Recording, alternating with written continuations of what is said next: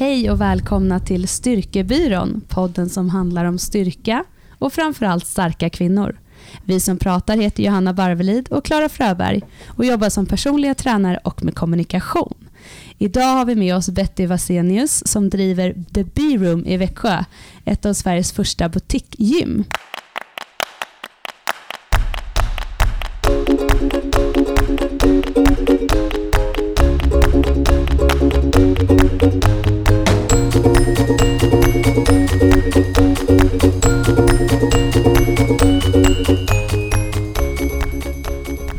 Välkommen Betty. Tack så mycket.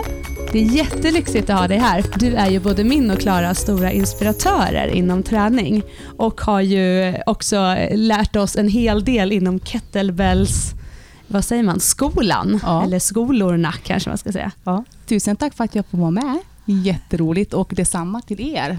Vi har Verkligen. längtat efter, du var på vår eh, A-lista när vi startade Nämen. podden. Är väldigt, väldigt hedrad. Och nu fick vi passa på idag eftersom du har haft en workshop här nu i Lofsangruppens ja. studio i Kettlebell. Mm. Och det var ju fullt ös och eh, i början så såg alla lite så här eh, tysta och eh, liksom lite så blyg ut och sen när det väl kom igång så bara släppte det loss och det var svingar hejvilt. Och, det var... och massa frågor. Ja.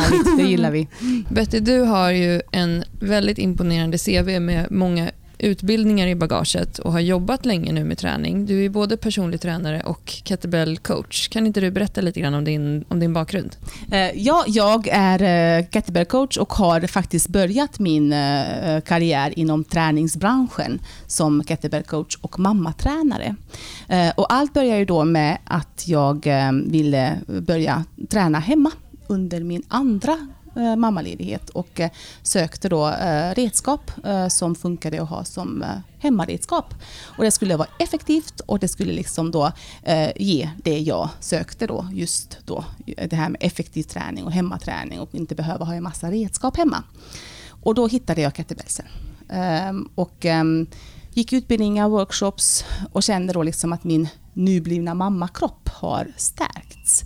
Eh, och kände att det här vill jag lära mig mer om. Så det är den vägen det är då, att jag har fördjupat mig och gått en massa utbildningar just inom kettlebells och så småningom också då mammaträning.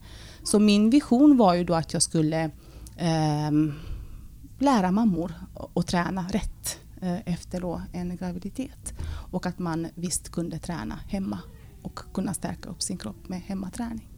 På vilket sätt är kettlebellen ett bra redskap för för eh, både kvinnor och men just det här att man, att man faktiskt kan använda det hemma. Det är just det att det är ju så enkelt att ha det hemma. Att det tar ingen plats och att man kan träna allt med en och samma vikt eller redskap. Eh, just det här att man kunde träna styrka och kondition och rörlighet och stabilitet och, och även då kunna känna liksom att, man, att man blir faktiskt trött. För det är oftast det det brukar vara och det är det man många gånger då söker. Just det här känslan av att liksom bli så här jättetrött och svettig och flåsig. Liksom. Och att ett enda redskap kan ge det. Så det var ju det som gjorde att, att jag fastnade och att jag kan tänka mig många fastnar just för redskapet. Då, att, man, att man känner att det är heltäckande, att det ger allt. Och att man ändå kan ta i, precis som du säger. Jag har precis haft samma erfarenhet som du med kettlebellen. Jag började hemma med kettlebell till YouTube-videos. Mm. Och eh, är ju lite också så att jag gillar inte när det drar ut på tiden eller jobbar väldigt länge. Eh, jag tycker om att ta i, slita i saker och liksom... Kort och effektivt. Ja, och att det ska vara tungt. Och då mm. var det ju perfekt. Och eh, just att man kan jobba med intervaller mm. och man vet att liksom, nu kommer jag köra 20 minuter eh, och jag kommer belasta kroppen och mm. sen är det klart. Mm. Underbart. Jag tror också att jag har jag har haft kettlebells till och från i min träning eh, egentligen ganska länge. Eller i alla fall sen jag började träna på, om man tittar på så här, Sats och mm. alltså den typen av gym där, man hade, där jag hade tillgång till det innan jag hade det hemma.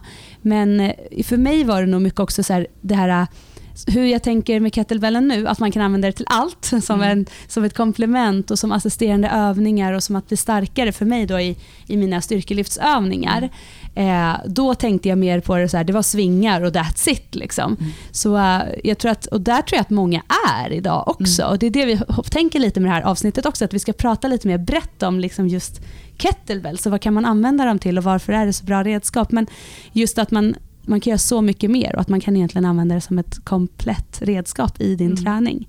Och att det fortfarande är ett redskap, att man inte fastnar i det, vilket jag gjorde då liksom när jag kom igång och började hitta kettlebellglädjen, att jag verkligen fastnade, att jag nördade in mig och jag fanns ingenting annat än kettlebells.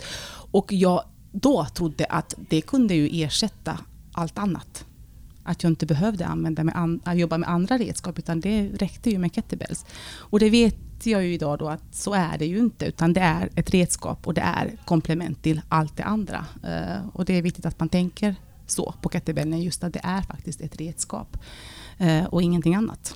Och som vi har pratat mycket om också, ett redskap som är väldigt bra att inleda sina, grund, alltså sin, Ja. sina grundrörelseträning med egentligen. Mm. Innan man går på skivstång, att faktiskt behärska kettlebellen först Mm. och sen gå på skivstång och sen kan man ha det som ett komplement eller tillsammans med. Mm.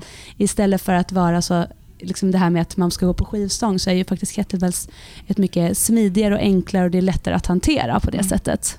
Absolut, mycket kroppskontroll, eh, koordination, stabilitet, rörlighet och, och få de bitarna först innan man börjar belasta kroppen med tyngre vikter. Och sen det här med flow Ja, flow, precis. upplever jag mycket. Att, eh, för vi alla tre har ju lite samma grundtänk i träningen också. Som handlar om det här att man måste behärska en rörelse och kunna upprepa den många gånger Mm. innan man ökar belastningen. Och Då är Mm. kettlebellen ett grymt redskap för att just kunna jobba med samma rörelse i samma flow under en, under en längre tid.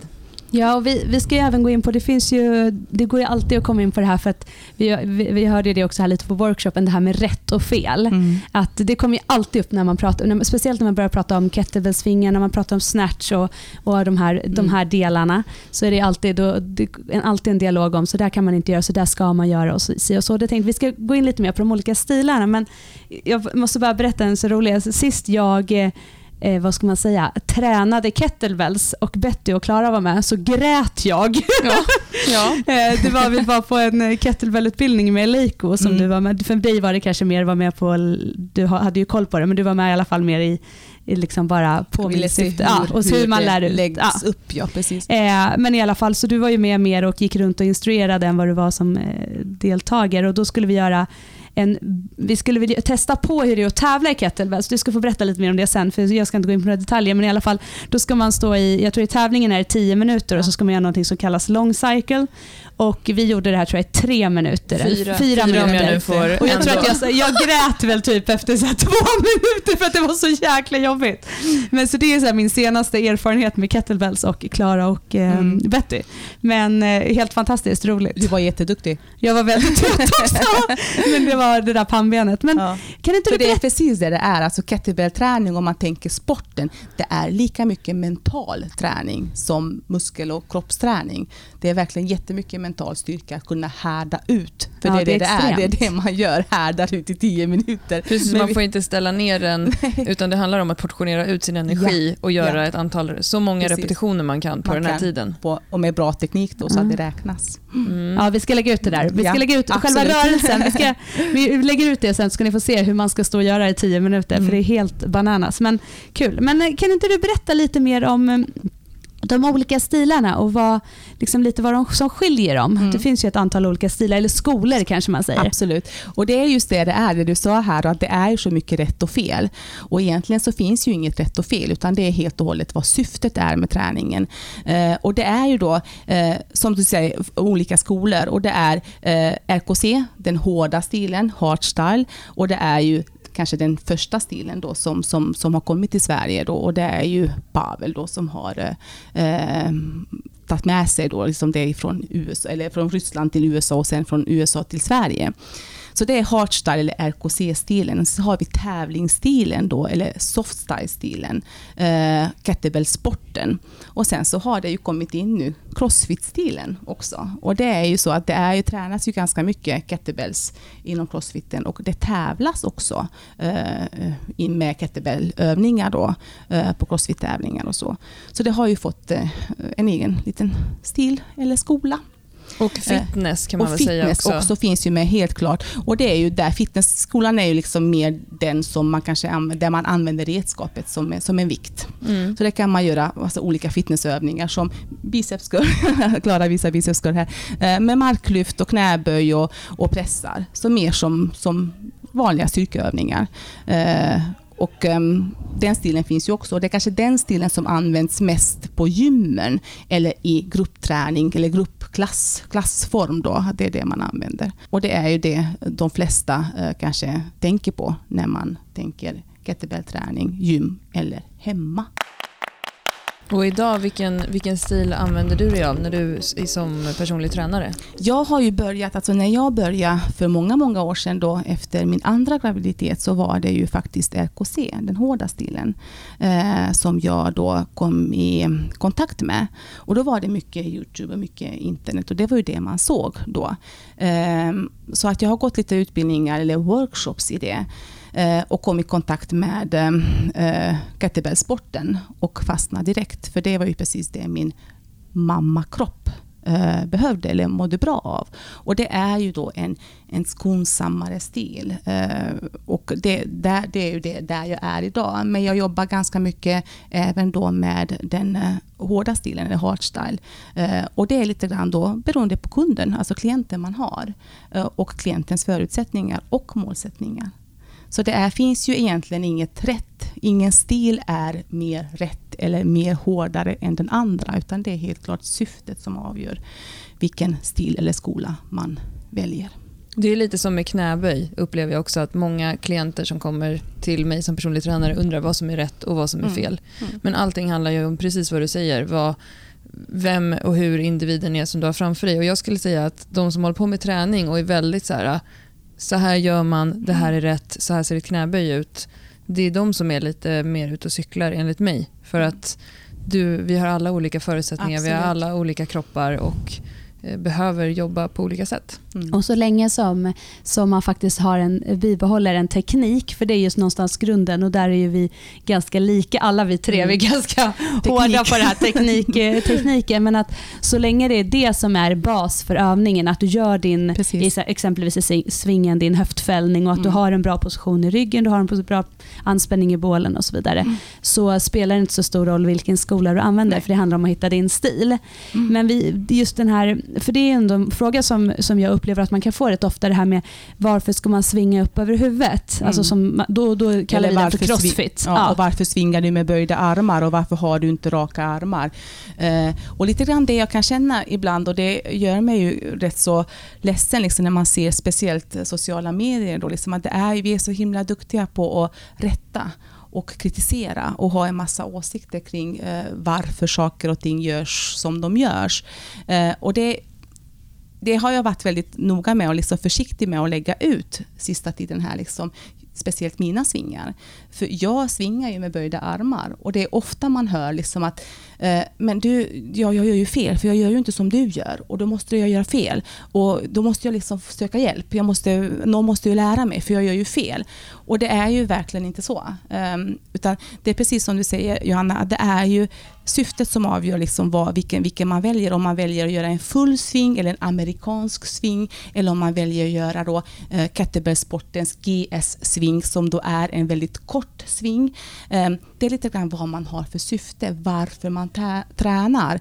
Eh, och inom crossfiten fulla svingen då, det är ju helt rätt där när man tränar crossfit och speciellt om man har tävlingsambitioner.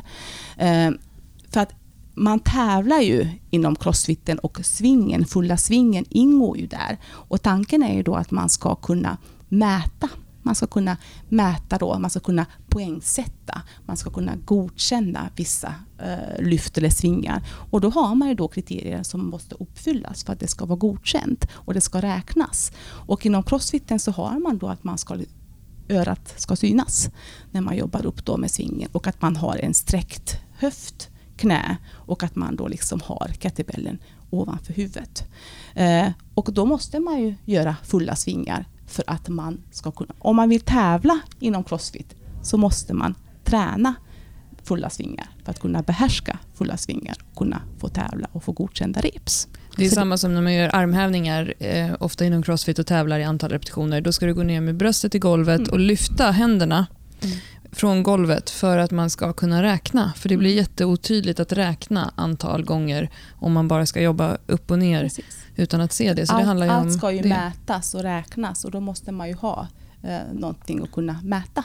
Och, och Det är lite så som vi har pratat om tidigare också, att ska man inte tävla Mm. så finns det kanske ingen anledning till att göra vissa saker. Och, och där Om man tittar på just svingen, som vi har pratat om rätt mycket nu, som en, såklart är en stor, det, är det som många eh, tänker när man tänker just eh, kettlebell, så är det ju svingen som är stort. Men att det finns ju kanske ingen anledning till att göra full sving om du inte ska tävla i kettlebells. Mm. Just för att svingens syfte är ju en höftfällning. Mm. Eh, och när höften är helt utsträckt så har du egentligen, precis som du pratar jättemycket om idag, så har du gjort klart Mm. eh, svingen. Mm. Och att så fort du börjar sträcka på armarna så får du en belastning på axlar och en, en, kanske en rörlighet Mm. du inte har och tar ut det någon annanstans. Så att just för gemene person så skulle jag nog ändå säga att vi, vi skulle inte kanske rekommendera att göra ra, liksom svingar över huvudet. Nej. Eh, Och det är för att det ställer ju ganska höga krav.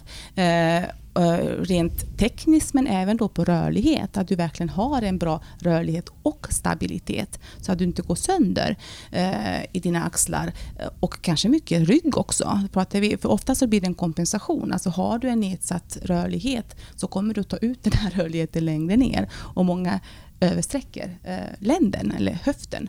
Eh, och då blir det ju gärna det här att man liksom svankar för mycket och man, och man får besvär längre ner i kedjan. Så att eh, en bra coach kommer ju såklart gå in och säga att du kanske inte ska jobba med fulla svingar för du, inte, du har inte rörligheten, stabiliteten för det än. Utan vi kanske kan lägga in andra övningar som gör att du liksom får upp en bättre rörlighet och får bättre kontroll och stabilitet och göra dig redo för att kunna tävla i crossfit och kunna göra fulla svingar med bra teknik. Så det är lite grann det som är det viktiga, att man känner att man liksom verkligen har den här kontrollen och har den här tekniken som behövs då för att kunna göra fulla svingar. Och sen så är det lite grann det här också, precis som du säger, att när höften är sträckt, då är ju svingen avslutad. Så att vill du då jobba med pressar så kan du faktiskt göra eh, en snatch till exempel, eller ryck. För där har du då liksom en helkroppsrörelse där du då liksom inte belastar kroppen på samma sätt.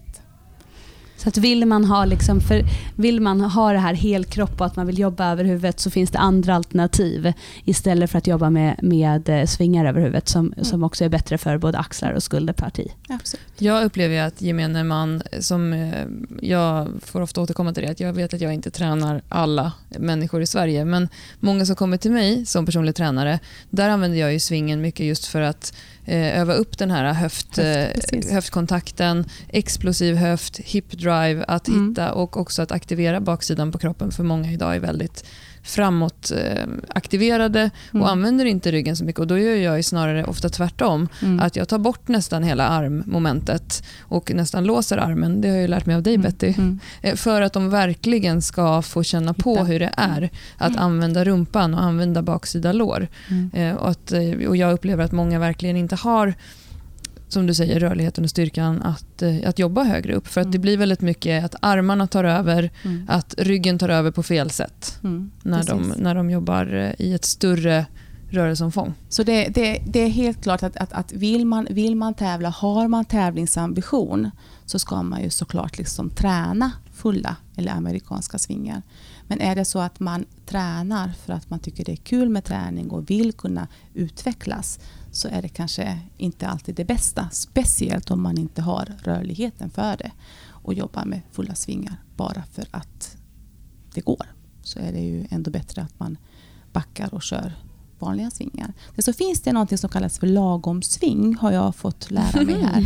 Och det är då eh, Sveriges eh, eh, svar på crossfit. eh, amerikansk. låter väldigt svenskt. Och Lagom. det är ju då att man inte jobbar högre än till huvudhöjd. Mm.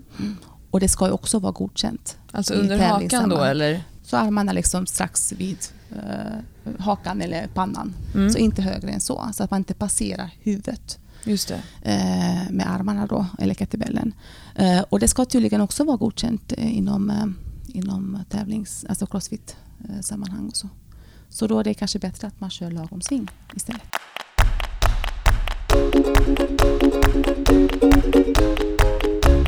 Nu har vi ju pratat om eh, de här olika svingarna eh, och eh, då får man ju, kommer ju nästa fråga här, tänker jag, från alla som sitter här och funderar nu när de lyssnar på det här. Men vad är bäst för mig då? Vad ska jag göra? Vad svarar vi, vad svarar vi på det? Vilken sving är bäst? Den, den du kan hantera och ha bra teknik i. Eh, och det är ju väldigt, väldigt olika. Och återigen då liksom att syfte får ju också avgöra lite grann vad du vill, varför du vill träna just övningen sving. För är det för att du liksom vill få med, alltså träna höften, för höften är ju viktig eh, i allt vi gör. Det är ju kroppens motor framåt och oavsett om vi är liksom motionärer eller om det är så att vi eh, tränar på högre nivå så är det ju någonting, eller löptränar för den delen, så är det någonting som vi absolut behöver vara starka i. Och är det det du vill träna, så svinga. Sen hur du svingar, vilken stil du använder dig av spelar ju ingen roll. Bara du gör grundrörelsen höftfällning och verkligen liksom aktiverar och driver med höften. Vad är, det, vad är det du som coach tittar på när du ser en nybörjare som svingar? Vad är det, finns det några, några principer du följer för att se att den utförs korrekt? Det är ju, det är ju grundrörelsen höftfällning, helt klart. Och där tittar jag jättemycket på det här ryggens position. Kan du hålla, rygg, hålla ryggen neutral? Har du en bra aktivering? Eh, driver du med höften eller gör du knäböjning? Är det en höftfällning, en höftdominant rörelse du gör? Eller är det en knädominant rörelse, en knäböjning du gör? Men framför allt ryggens position hur du håller din rygg. Och är det så att du vill, om vi går in på det här med raka armar och böjda armar.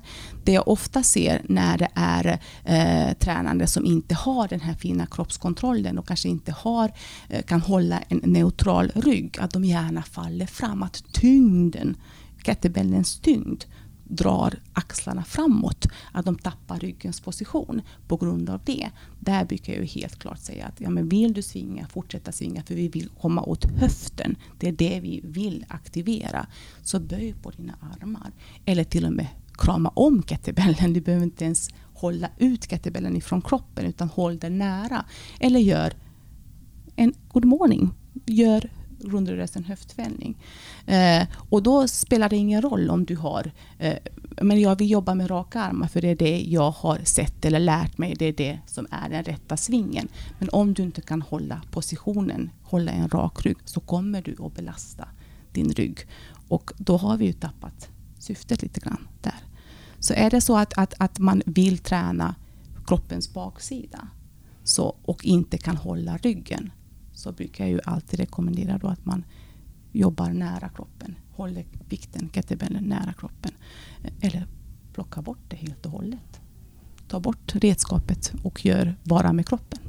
Och Det är lite där också, det handlar ju väldigt mycket om, även i, man kan tänka att det inte är så med kettlebell, men att det handlar ju väldigt mycket om att ha kettlebell nära kroppen. Att den mm. inte ska ut och flyga för långt mm, bort. Och Det är väl det som, tappar man lite, har man inte den hanteringen när man då ska börja använda raka armar så blir det lätt att man driver mm. nästan med armar och axlar mm. kettlebellen från sig. Och Då mm. blir ju rörelsen oftast rätt svår att hantera och den blir inte alltid korrekt. Precis, och det är just det här liksom för arbetsekonomi också. Att, att speciellt som det är med motstånd som ni ofta liksom pratar om, eh, att man liksom ska hålla redskapet nära av den anledningen då för att spara energi, inte läcka energi utan kunna liksom jobba med bra arbetsekonomi. Och det är lite grann, om vi nu ser till sporten, då ser vi till kettlebellsporten så är det ju precis det vi gör. Alltså man håller på länge, tio minuters arbete är det. Och det innebär då att du liksom måste verkligen hushålla krafterna. Att du kan inte liksom tappa energi. Och då måste du hålla vikten nära för att kunna hålla på så länge. Så det är mycket mer uthållighetsträning än vad det är power eh, och intensitet.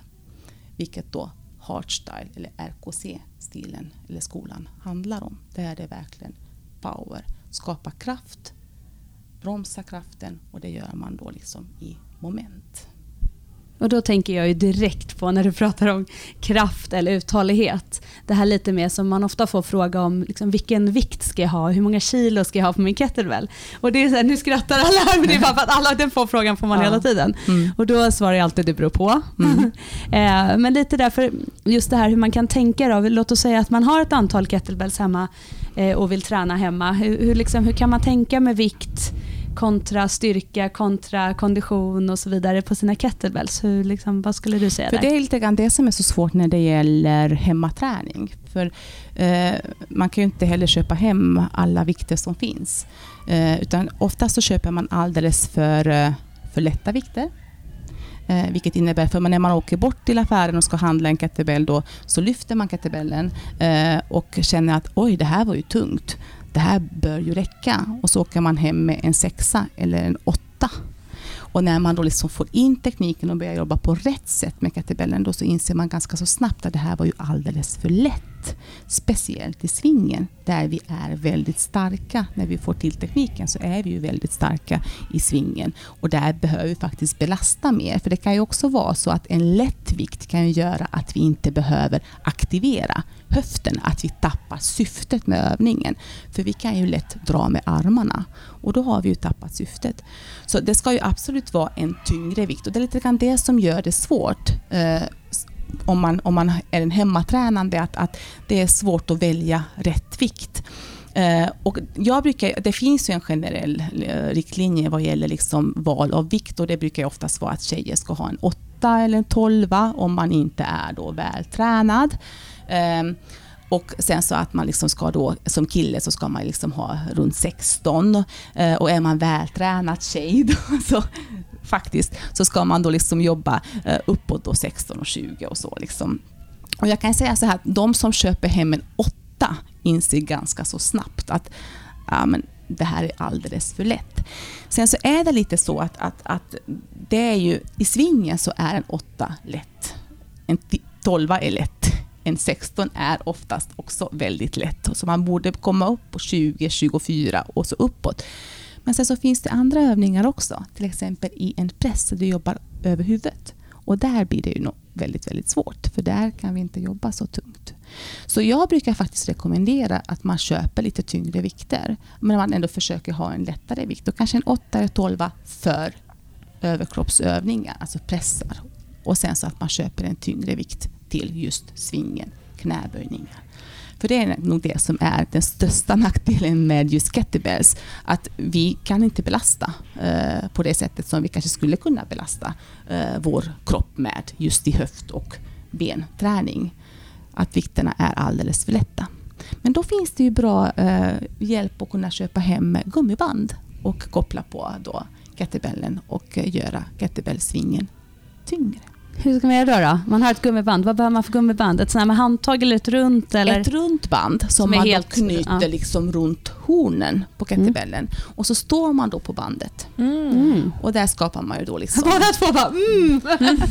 ja. Då har man ju mer motstånd då ifrån gummibandet. Och det kan man, skulle man kunna göra även i ett marklyft om man skulle vilja det. Mm. Eller dragövningar, roddövningar. Att man liksom har då bandet som eh, som motstånd. Att det, det ökar liksom då, eh, tyngden på kettlebellen, att man har det som motstånd. Och också att det blir en mer intressant eh, rörelse i till exempel svingen. Att man får mm. känna kanske då lite mer att man jobbar med höften för att Precis. man faktiskt måste dra till det här gummibandet. Mm. Och att man känner den här bromsande effekten på vägen Neråt ner. För det tror jag är en sån sak som, det glömmer man nog lite bort när man svingar själv. Att man mm. tänker bara driv uppåt och sen när man är där uppe så tänker man bara släpp ner.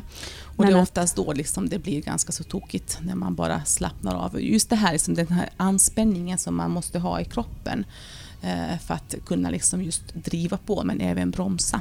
Och kontrollen mm. som man behöver ha. Eh, som man kanske inte alltid tänker på. Att du måste verkligen ha, det är du som har, det är du som kontrollerar liksom vikten. Det är inte kettlebellen som, som visar vägen, utan tvärtom. Det är du som styr och det är du som bestämmer liksom hur kulan vandrar upp och ner för den delen också. Eh, att det är så viktigt just för att kunna jobba tungt. Där gjorde du, det här apropå att kontrollera och att det, att det är du som äger kettlebellen. Idag så såg jag när du hade din workshop en grym övning som jag kommer ta med mig till mina kunder. Men där du la en person på marken, eller du la dig på marken mm. och så, mm. var en, så bad du en person att dra upp dig utan att du gjorde någonting. Du var helt avslappnad. Och då var det inte så svårt att ta din hand och dra upp dig för du, var liksom, du bara hängde med. Mm. Men sen så la du dig ner med en full anspänning och pressade hälarna i golvet, skulderbladen i golvet. Mm och helt plötsligt så gick det inte att dra upp dig, för då var det du som ägde liksom, hela rörelsen. Och äh, Det tycker jag var en sån klockren mm. grej som inte jag alls har tänkt på. Men just det att förstå att det faktiskt inte är kettlebellen som ska, för, som ska bestämma. För det tror jag är jättevanligt. Mm. Att man tänker att liksom kettlebellen ska, ska pendla upp och ner. Ja, det är kettlebellen som skapar liksom mm. det här momentumkraften liksom upp och ner. Utan det, det, är din, det är du och din kropp som, som styr. Liksom. Och det är lite grann det här också som jag, jag har, när jag har många som, som, som de som går går ut och eh, har hund och går ut och går. Liksom. Det är samma sak där också. Att det är du som bestämmer hur snabbt och vart ni går. Det är inte hunden som drar dig. Och det är lite grann samma sak att om du tänker att, att du inte har kontroll på kettlebellen så blir det ju exakt samma sak. Det är kettlebellen som drar dig lite hur som. Eh, och du bara hänger på. Utan du måste verkligen ta kontroll. Och det är lite grann det jag ser när vi pratar just om, om andra, alltså till exempel tyngdlyftning och så. Att det är verkligen någonting som, där du behöver ha fokus. Att du måste vara fokuserad och du måste verkligen vara där till 100 procent. Att det går inte att svinga, snatcha och känna liksom att eh, men jag kan tänka på annat. För det funkar ju inte. Du måste verkligen finnas där och du måste ha fokus och kontroll hela tiden. Um, och det är ju väldigt, väldigt eh, likt då, eh, till exempel tyngdlyftning, då, att man verkligen är, eh, är hela kroppen jobbar och att du måste ha liksom, fokus.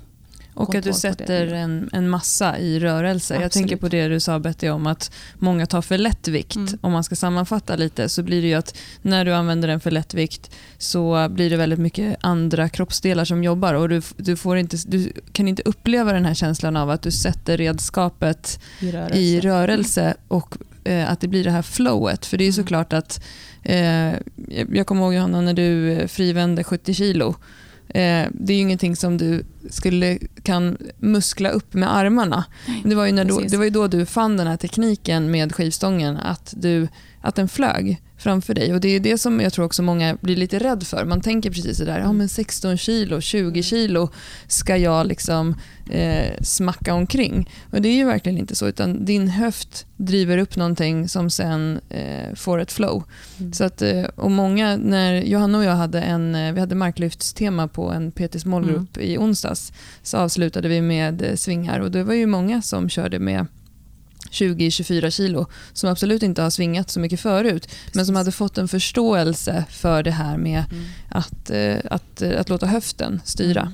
Jag och alla när vi började och de skulle ta fram eh, det, det, tycker jag alltid är så roligt när jag jobbar med kettlebell. Då brukar jag be dem att nu får du, du ska svinga så tar du fram den vikt du tror att du hanterar. Mm. Och så hade de så här, 8, 12 och ja, 16 var det någon som hade. Och Det mm. slutade med att jag tror ingen svingade under 20 kilo.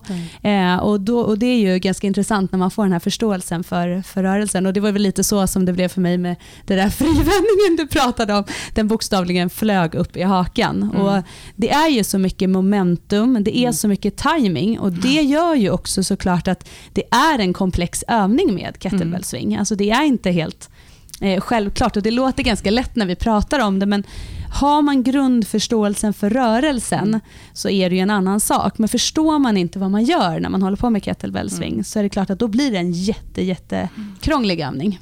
Ja, verkligen. Och det, det, pratar jag, det säger jag ju här också liksom när vi hade workshopen här att innan då när vi körde igång då med kettlebell workshops så hade vi ju bara svingen i fyra timmar. Mm. Eh, och även då liksom när jag har haft klasser och så, liksom att när en termin startar upp så har vi ju liksom, då svingar vi ju mycket länge. Just att få in den här liksom känslan för rörelsen och att man förstår grundrörelsen först och främst. Och det kan jag säga att nu på alla mina workshops så börjar vi just med det. Vi går igenom samtliga grundrörelser med en pinne. Just att, att känna liksom att så här utförs en höftfällning och att svingen bygger då på en höftfällning. Vi kortar ner tiden på workshops och vi kan ju göra, göra annat, alltså flera övningar. För det blir ju, man har ju med sig, man har förståelsen för rörelsen och då kan man mycket, mycket lättare applicera det sen i, i svingen när man svingar. Och samma är ju marklyft och allt det andra också som vi gör. Att man måste alltid gå tillbaka till grunden och se liksom vad är det jag gör? Vilken, vilka rörelser gör jag? Ja, och kettlebell är ju verkligen, det går ju, att använda, det går ju att göra allt med den. För som sagt, vi pratade om det i början, att se det som ett redskap. Mm. Eh, och som, det, som jag använder den mest nu i, i, min träning är ju då ett komplement till marklyften. Mm. Att jag jobbar med tunga svingar. Mm. Och Det är väl också lite det här när vi pratar om vikt som du gjorde förut Betty, att har man, jobbar man väldigt tungt så kanske syftet är mer att då jobba alltså styrka och mm. i, liksom, till andra övningar som för mig är marklyft. Eh, har man lättare, en lättare kula eller kettlebell så kanske man jobbar längre intervaller. Mm. Jag vet att du har sagt det, så, men stå i fem minuter och svinga. Då. Det är jättebra för dig som är löpare till exempel om du vill jobba med att få in konditionen i det. Så att, har man en lättare kettlebell hemma och ändå vill jobba och känna att det känns så kan man också göra så att man jobbar med rörelser Precis. under en mycket längre mm. tid. Eller jobba, jobba med intervaller. Ja. Att man känner liksom att, man, att man får kanske upp flås mer, alltså intensitet i träningen. Då. Eh, och det är ju som sagt, det, det, går ju verkligen att göra. Alltså, det är lite svårt i och för sig just med styrkebiten om det är så att om man är hemmatränande och, och vill liksom bygga styrka, för det är ju väldigt, väldigt svårt eh, med, med redskapet i och med att det är väldigt svårt att belasta tungt. Men som komplement och mm. mycket det här också att jobba bort sidoskillnader. Om det är så att man har en svag eh, länk någonstans då, att man liksom kan jobba upp den svaga sidan. Och det är ju, det är ju kettlebellsen verkligen jättebra. Alltså rörlighet och jobba bort då sidoskillnader om det finns. Um, och mycket det här med marklyft, jag brukar ofta lägga in då liksom, eh, uh, enbenta marklyft med, med kettlebell och så. Mycket balans också. Uh, så det är ju också jättebra. Och speciellt om man, har då, om, om man inte kan belasta tungt, vilket man skulle vilja göra, så kan man åka till gymmet och göra sina tunga marklyft och så gör man då sina enbenta marklyft eh, med lite lättare vikter kanske hemma då. Men om man är nu, lyssnar på det här och är sugen på att träna hemma med kettlebells, har du några tips på vem man kan, var kan man titta då på till exempel sociala medier eller på Youtube för att komma igång och, och förstå rörelsen? Eh, eller vad tycker du att man ska göra? Eh, Absolut att det finns eh, bra eh, på Youtube också, men det är lite svårt det här med att, att, välja liksom, vem, ska jag, vem ska jag följa och är det här rätt och är det fel och så. Speciellt om man inte eh, är van och inte har sett eh, mycket innan. Eh, Pavel är ju helt klart, alltså vill man nörda sig in på, på det här alltså ryska stilen och, och om man dessutom gillar disciplin och träna på det sättet så är det helt klart liksom att man ska antingen köpa en, en, en bok som, som Pavel har, Kettlebell Center har ju också jättemycket ute som man kan liksom gå in och kolla eh, även på hemsidan. Spartan Kettlebells helt klart, där har vi ju Elna som har tävlat eh, och har lagt ut ganska många eh, filmer då på alla de här basövningarna som swing och, och clean eller vändningen då, pressövningar och till och med de här kettlebellövningarna eller eh, tävlingsövningarna som, som long cycle och snatch och så. Och jerk för den delen finns ju också. Um, men absolut, anlita någon som kan. Gå en sån här workshop som du ja. gjorde idag. Det har ju, Johanna och jag har ju gått med dig. Mm. Och det, det var liksom jätteskönt kvitto för mig att verkligen eh, lära mig allting som jag hade då gjort hemma eller gjort komplement på gymmet. Mm. Och, och, just att få någon som går in och petar på en. Mm. Eh, men alla har kanske inte tillgång till dig. Men då får man söka runt lite och se var det finns utbildningar Absolut. någonstans. Och, och gå någon, alltså anlita någon PT som, som, som, som kan det här. Och det behöver kanske inte ens alltid vara liksom att man är superduktig på, på alltså avancerade övningar. Att man går till en PT som kan lite prata om här grundrörelser, alltså höftfällning. Hur ser det ut? Har jag kontroll på ryggen? Var tappar jag? Tappar jag bålen? Kan jag hålla den här anspänningen i den djupa bålen? Stabilisera ryggen? Har jag den förmågan? Eh, och är det så att man har det så kan man faktiskt bara nöta och nöta och nöta. Alltså hem och filma dig själv, se, titta veta hur du gör, vad du gör. För jag tror att det är ofta det det handlar om, att vi vill gärna gå på gruppträningspass eller, eller, eller träna, att vi gärna tränar, men vi glömmer bort att öva, att mm. träna teknik, att våga pausa eh, i just lyftandet och liksom prestation, utan backa lite grann och bara nöt, nötteknik. Och ha de här olika glasögonen på dig. Att, Absolut. att även om du tittar på svingar och ser tre olika så kom ihåg att det finns olika syfte och att det finns egentligen inte rätt och fel så länge du utför själva rörelsen rätt. Utan att, liksom, låt, hitta din stil, precis som, som vi har pratat om tidigare i knäböj, i marklyftet. Hitta din stans mellan fötterna, hitta din armhållning i svingen till exempel. Att våga lita på att hitta det som du känner dig bekväm med. Mm. Och mycket det här också där vi pratar om det här med att filma, för det är också någonting som många inte gör. Utan de kanske till och med känner så här, liksom, att Åh, jag är så himla trött på alla som filmar och lägger ut. Och, Åh, liksom, varför måste man hålla på så där hela tiden på gymmen där jag är? Och jag ser att alla filmar och håller på. Liksom. Och, och det är har man det syftet att kunna gå in och granska sig själv, alltså se lite grann hur gör jag, vad gör jag för någonting? Så tycker jag att filmandet är ju något bra, positivt. Det vill jag gärna uppmuntra till, att man verkligen fortsätter filma. För jag menar, ni, vi har ju jobbat tillsammans, eh, Lofsangruppen, och ni är ju fortfarande kvar och, och coachar många liksom online. Och jag, jag tror att ni också liksom håller med om att det är ju ofta att, att man får en film skickad till sig där då individen till och med skriver vad som är. Jag ser precis, nu ser jag precis att jag tappar ryggen. Jag ser att jag drar för mycket med armarna. Att man själv ser, när man tittar på sig själv, vad det är man missar. Ehm, och absolut, filma. Det är nog nästan det jag skulle liksom ge som råd. Att, att verkligen ta hjälp med just grundrörelserna. Att du liksom utför då en höftvändning korrekt. Att du har koll på, på din kropp, kroppskontroll. Eh, och att du förstår de här grundrörelserna. Och när du har den förståelsen så kommer det vara så mycket enklare att träna kettlebells eller allt annat. För om vi tittar på svingen, vad är en sving? Alltså det är så svårt att säga, ja, men svingen är ju, den är ju jättekomplicerad och svår. Men det är egentligen en höftvändning.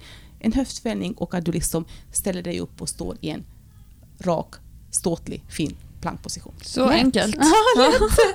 Så filma dig själv, ta hjälp i grundrörelser. Se till att du fixar dem. Bra! Ja, jag tror att vi ska avrunda för idag. Eh, Det har varit helt fantastiskt att du var här och jag älskar att vi kan sitta och nörda in oss i en grundrörelse ett helt avsnitt. Det är därför vi har startat den här podden också. Om vi ska sammanfatta lite det som vi har pratat om idag så handlar det om att vad är kettlebellen för redskap? Var kommer den ifrån? Vad finns det för olika stilar? Det finns, eh, vi pratar om den hårda stilen, RKC. Vi pratar om den eh, long cycle, alltså sporten kettlebells. Du får rätta Mm. mig nu Betty om jag har fel. Där man, sport. Ja. Vi har pratat om kettlebell som fitnessredskap och kettlebell som crossfit-sport, alltså Mm. tävlingsmomentet. Och vi har pratat om vad det är man ska tänka på som nybörjare. Eh, kroppens grundrörelse, ryggens position, det som vi ofta tjatar om, aldrig skada, den Mm. första principen inom träning. Eh, och att eh, gärna gå ut, filma dig själv och titta på, gör du grundrörelsen? Ta gärna hjälp av någon. Mm. Och sen, sen är det bara att köra igång. Var inte rädd för, för att ta i. Mm, verkligen. Bana. Fortsätta liksom bana in rörelserna korrekt och bara ta i och jobba och ha kul. Ha kul. det är viktigt. Ja. Var, Betty, för de som eh, inte känner till dig som lyssnar, var kan de hitta dig någonstans? Jag finns ju då på eh, hemsidan om man vill söka där, thebirum.se eller birum.se är det ju. Och sen så finns jag på Instagram, Betty Vasenius. Eh, även Birum finns på Instagram, då gymmet Birum. Och sen så finns jag på Facebook. Så tveka inte att eh, kolla in Betty och eh, om du där du bor söker efter en eh, grym kettlebellsutbildning så vet ni, vet ni var ni ska höra av er. Eh, vi heter Styrkebyrån, fortsätt att lyssna på oss. Vi finns eh, också i sociala medier, på Facebook och Instagram heter vi Styrkebyrån. Ni kan också lyssna på oss på Spotify nu för tiden. Eh, om det är någon som eh, gärna inte vill använda många olika appar så kan ni eh, lyssna där. Fortsätt att skriva till oss så eh, hörs vi om en vecka. Hej då! Hej då!